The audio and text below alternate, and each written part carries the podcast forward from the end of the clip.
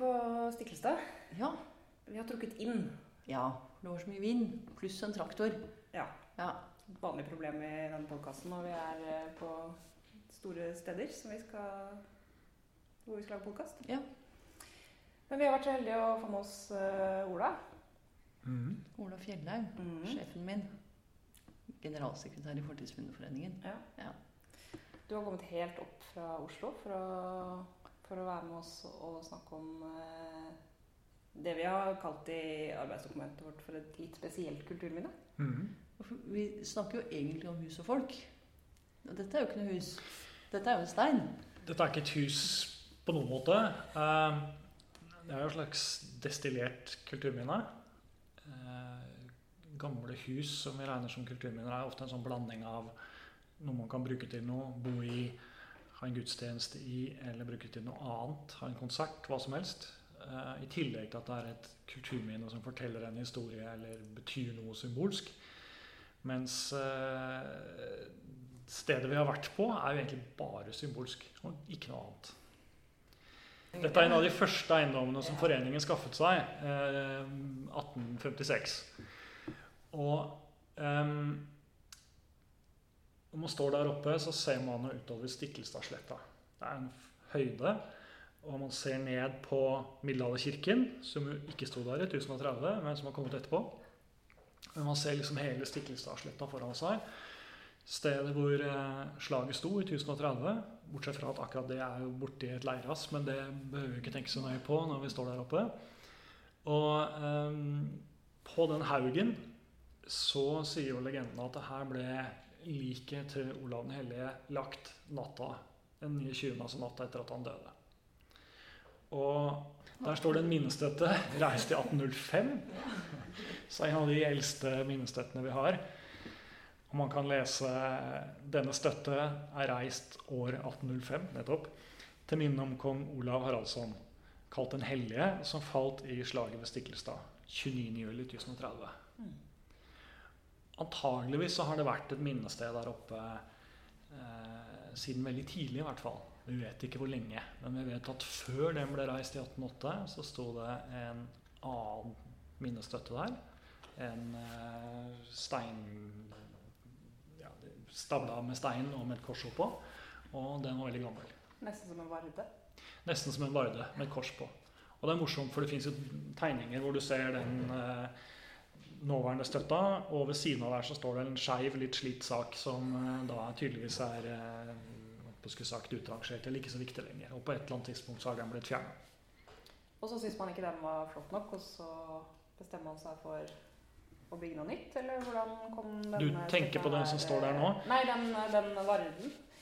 Som ja. denne reis, da. Ja, det var vel et uh, Altså, det er jo interessant med, med monumenter, egentlig, for det er jo et forsøk på å, å eh, minnes historien, men samtidig også fortelle historien på en bestemt måte. ikke sant? Så man hadde vel da i 1805 et behov for å pusse litt støv av Olavslegenden og, og ta den fram. Og det vi, ser vi jo opp gjennom historien, at, man, at vi har hatt behov for å pusse støv av Olav den hellige og, og ta den fram, og gjerne liksom rett, lage en retning på den historien som passer oss der og da.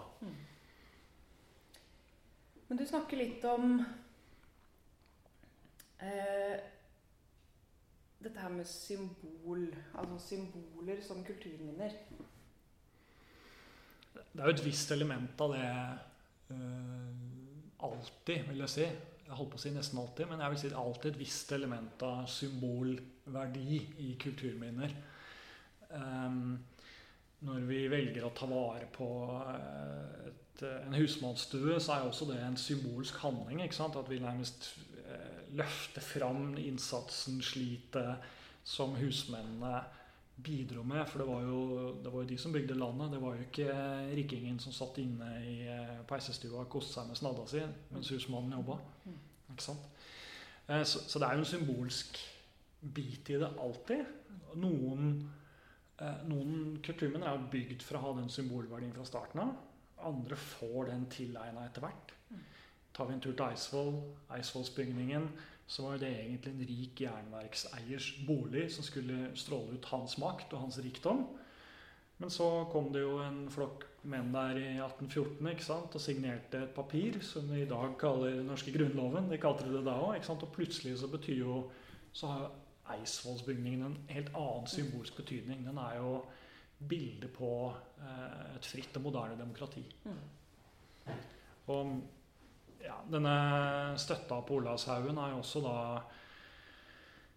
ja, en sånn ren symbolsk markering for å vise at jo, dette her er et viktig sted. Mm. Men ikke sant, at Fortidsminneforeningen tok over den her i 1856, var det vi kom fram til. Mhm. Hvorfor? Hvorfor, hvorfor altså, hva hva lå til grunn når de liksom gjorde det den gangen? Veit vi noe om det?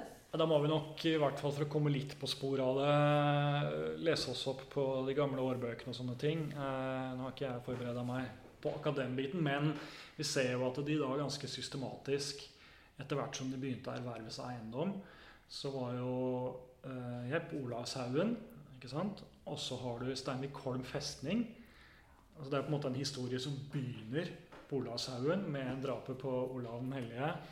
Og så har du en historie som slutter, og en annen historie som begynner. På Steinvik Holm, som var det siste stedet hvor Olavsskrinet ble oppbevart på norsk jord. Og det var, det var der det skjedde akkurat når reformasjonen kom til Norge. En nøkkeleiendom i norsk historie. De er verva Moster kirke, hvor Moster er stedet hvor kristenretten ble innstifta i Norge. De er verva eh, Loggtun kirke, som er stedet hvor Frostatingsloven ble oppbevart. Altså, dette er puslespillbiter i Norges historie. Så de var, eh, de var Det var ikke sånn at de liksom skaffa seg alt, men de som dukka opp, og som de hadde mulighet til å ta med seg videre og, og samle til en samling med historiske eiendommer, en destillert norgeshistorie, eh, det gjorde de. Og Der kommer jo også stavkirkene med, med Borgund stavkirke, som er den vi vurderer som er best bevart fra middelalderen. Urnes stavkirke, som jo har den her eh, fantastiske portalen som løftes fram, og som jo har blitt verdensarv etter hvert. Dette er liksom eh, ja, skal jeg si, en sånn destillert norgeshistorie i form av bygningsarv. Er det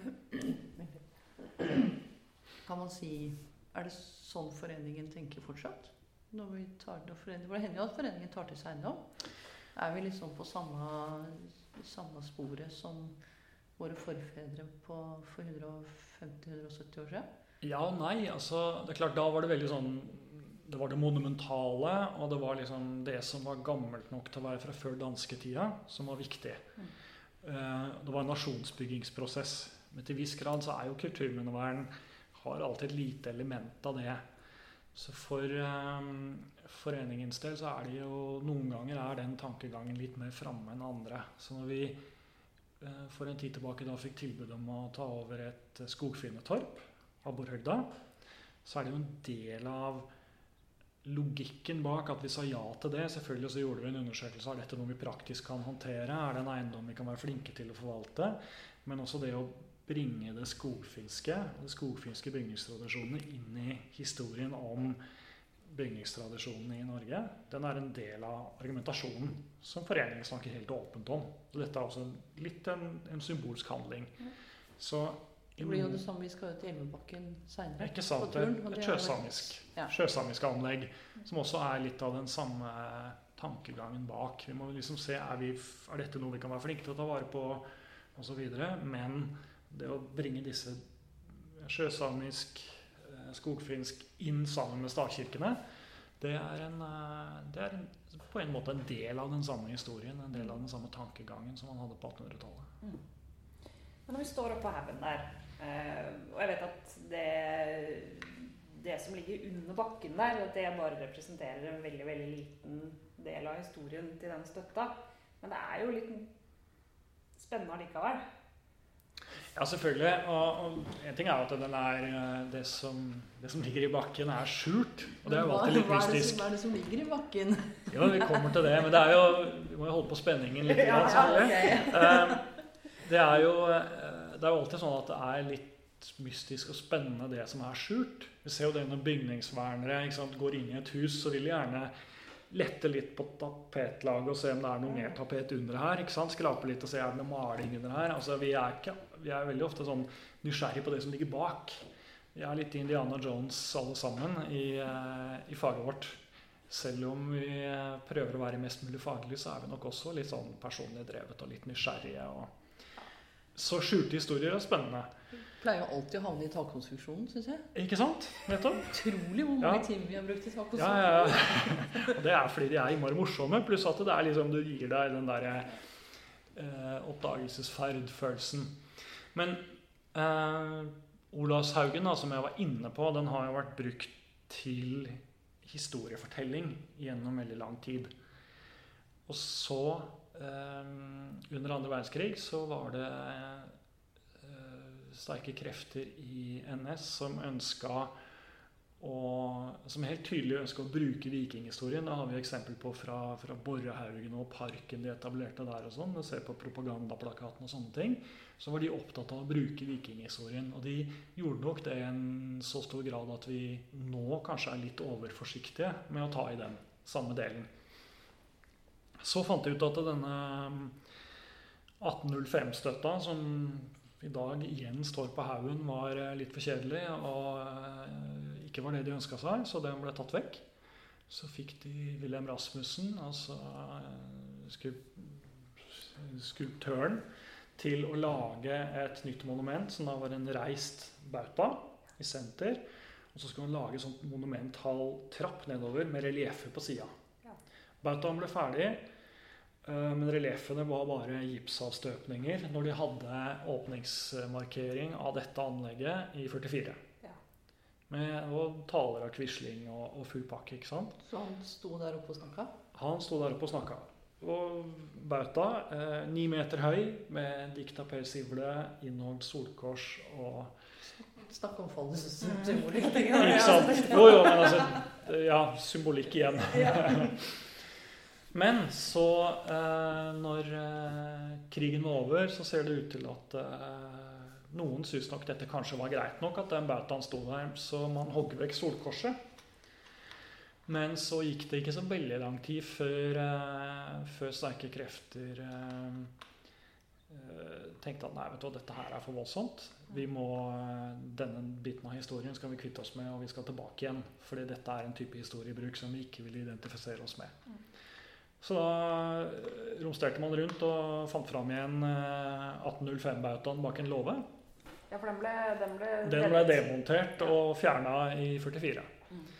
Så man fant inn en makelnove. Man gravde et svært høl i Polashaugen og eh, velta denne bautasteinen nedi. Og gravde igjen.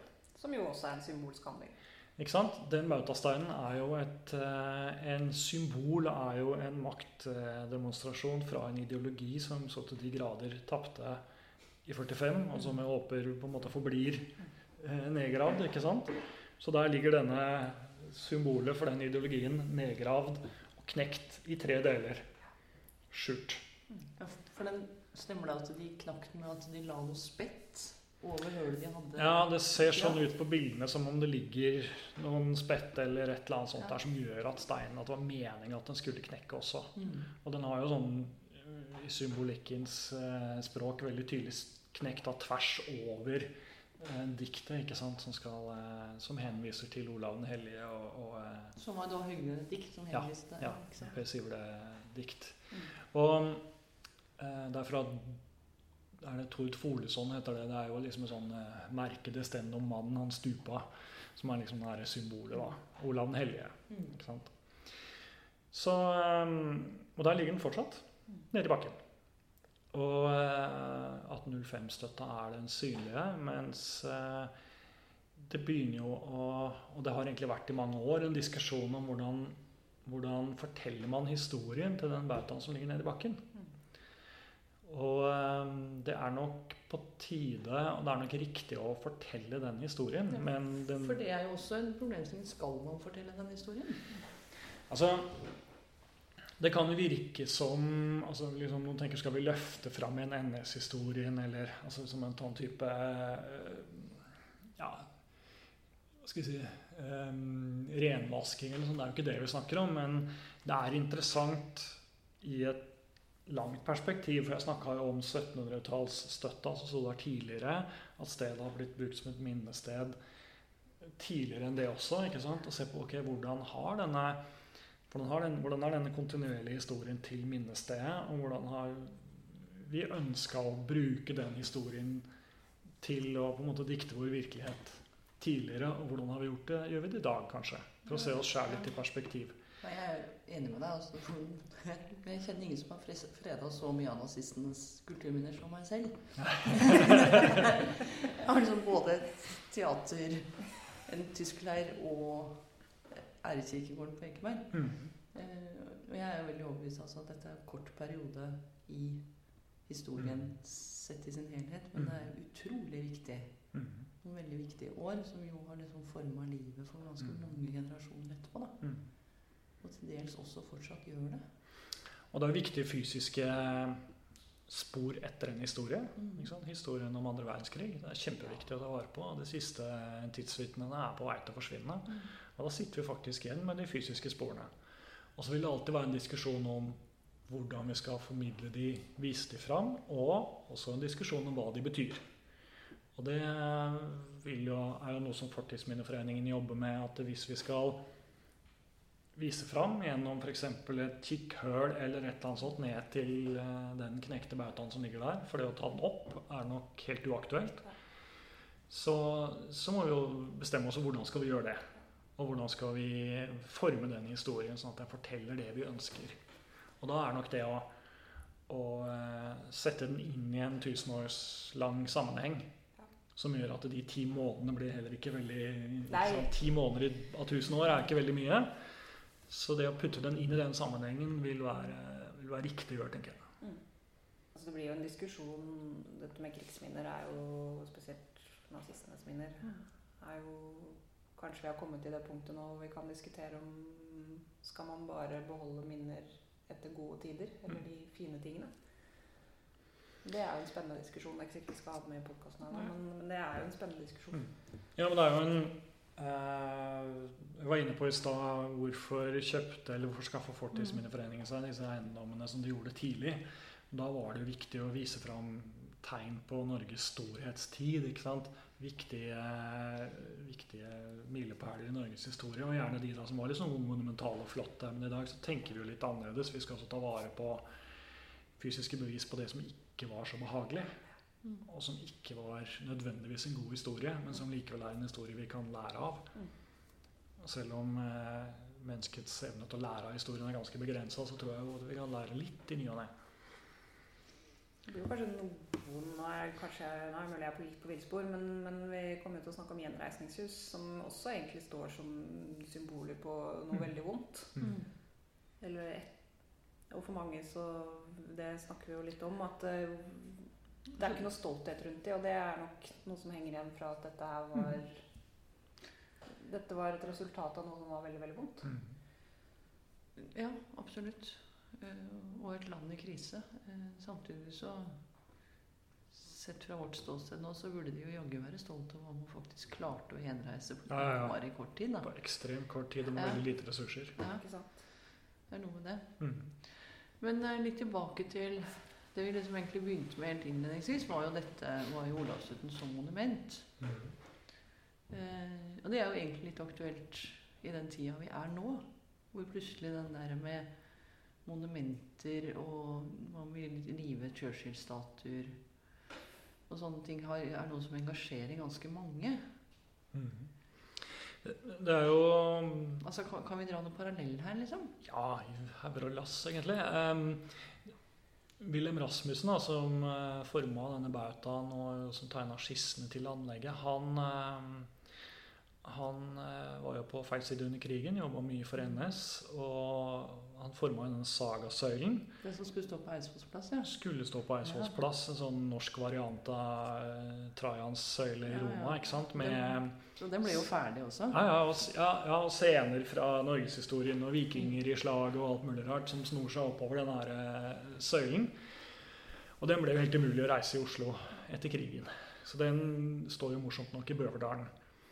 Og, og, Rasmussen er jo en, fortsatt litt en, en, skulptør som er litt uh, uglesett og havna litt sånn på, på utsida. Men samtidig så er det jo også Rasmussen som har formet statuen av uh, Olav Tryggvason, som står midt på torget i Trondheim.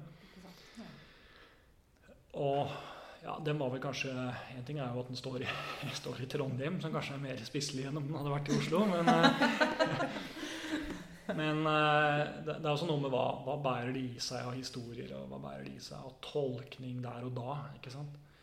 Så jeg har den oppfatning at det er viktig at uh, statuer står, men kanskje skal man gjøre noe med konteksten. kanskje skal man altså, Mye av debatten har vist at det er misforståtte historier.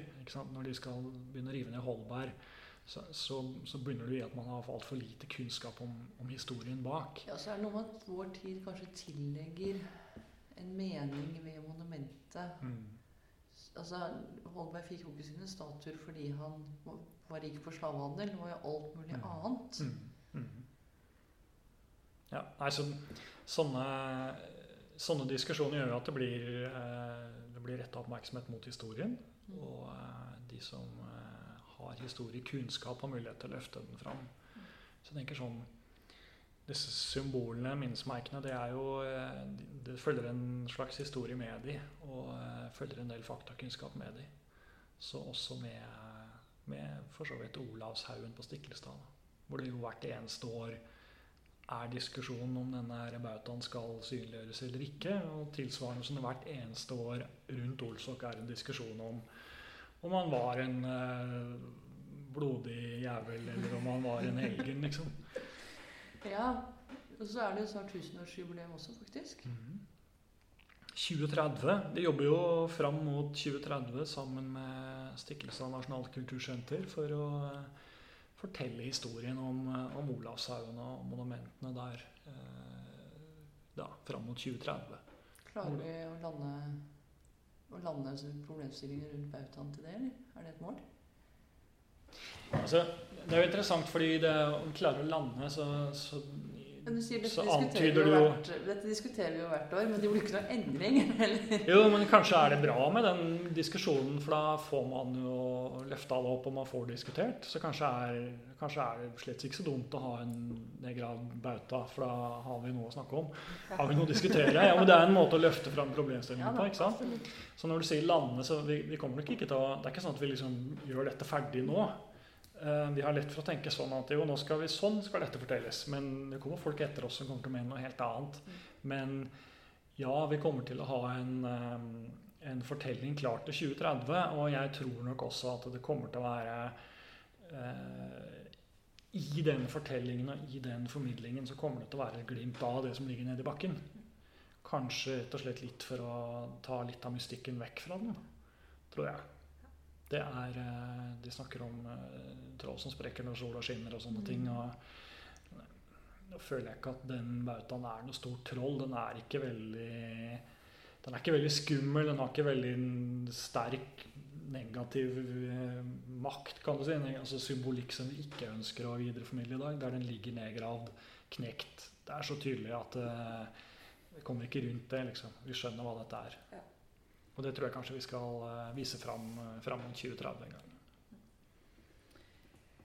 Jeg tenker vi får begynne å tenke på å komme oss videre.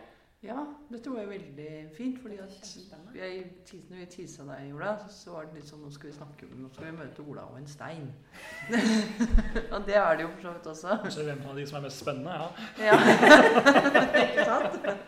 Eh, men det er jo veldig mye mer enn en stein. Mm. Og nå tror jeg vi har fått fram alle liksom, sider ved, ved, dette her. Da har vi både snakka om liksom, ja, monumenter og forening og Freud eh, skal ha sagt en gang at eh, noen ganger er en sigar bare en sigar. Men i kulturminnevernet så er det aldri en stein bare en stein. En sigar er ikke alltid bare en sigar heller. Nei, men noen ganger. Altså. Noen ganger. Noen ganger. men Freud sa dette før Clintons sigar. Ja, ja. ja. Ok. Rødmer du litt eller? Ja, det rødmer Av og til det er så pinlig å rødme av sine egne liksom, sleivete kommentarer. Men ja, ok, greit. Nå skal vi kjøre gjennom Nord-Trøndelag, vi. Det skal vi. For neste stopp er Mosjøen. Det er det. Ja. Vi skal snakke om Sjøgata. Vi skal snakke om Sjøgata. Det skal vi. Yes. kjempespennende. Det er jo en av de, de områdene som har vært sett på som kulturminne lengst. Sånne, sånne miljøer. Så den er kjempespennende. Spennende. Spent på hva dere finner der oppe. Dere må følge på.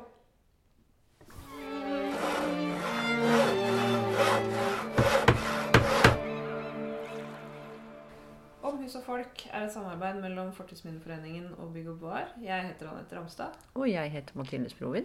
Følg neste episode der vi drar videre i Norges land på jakt etter spennende hus og folk. Neste stopp er Mosjøen.